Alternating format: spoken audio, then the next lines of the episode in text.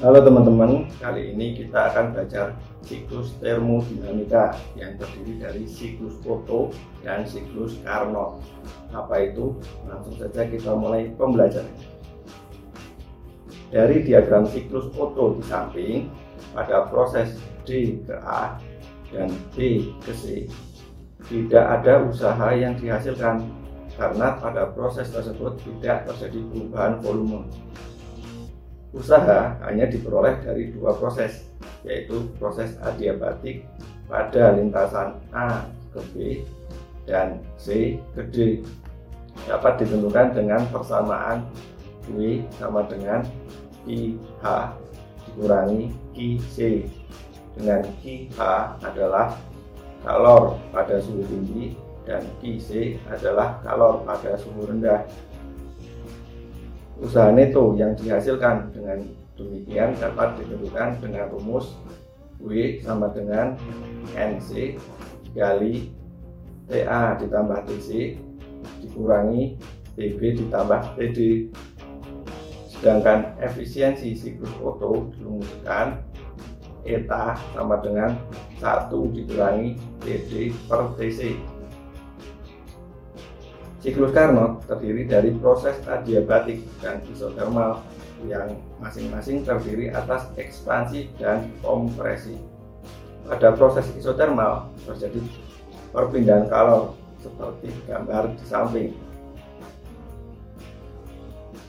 Pada titik A ke B, proses ini disebut dengan kompresi adiabatik. Dalam keadaan terisolasi, gas dikompresi hingga mencapai tekanan maksimum meskipun kalor sistem konstan. Pada titik B ke C, proses ini dikenal dengan proses kompresi isotermal. Setelah mencapai tekanan maksimum, gas kemudian berekspansi sampai dengan terjadi penerimaan kalor dari lingkungan sehingga suhu sistem menjadi konstan. Pada titik C ke D, Proses ini disebut dengan ekspansi adiabatik. Sistem terus berekspansi, namun sistem telah terisolasi sehingga tidak terjadi perpindahan kalor. Akibatnya, suhu sistem turun dari suhu tinggi menjadi suhu rendah. Pada titik D ke A, proses ini dikenal dengan proses kompresi isotermal.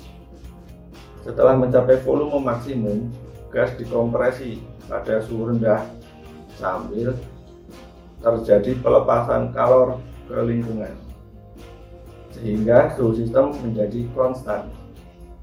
Di dalam siklus Carnot, usaha dapat kita definisikan sebagai selisih antara kalor yang diserap terhadap kalor yang dilepaskan. Atau dapat kita tuliskan W sama dengan Q1 dikurangi Q2 Efisiensi dalam siklus Carnot adalah persentase perbandingan antara usaha yang dihasilkan terhadap kalor yang diserap.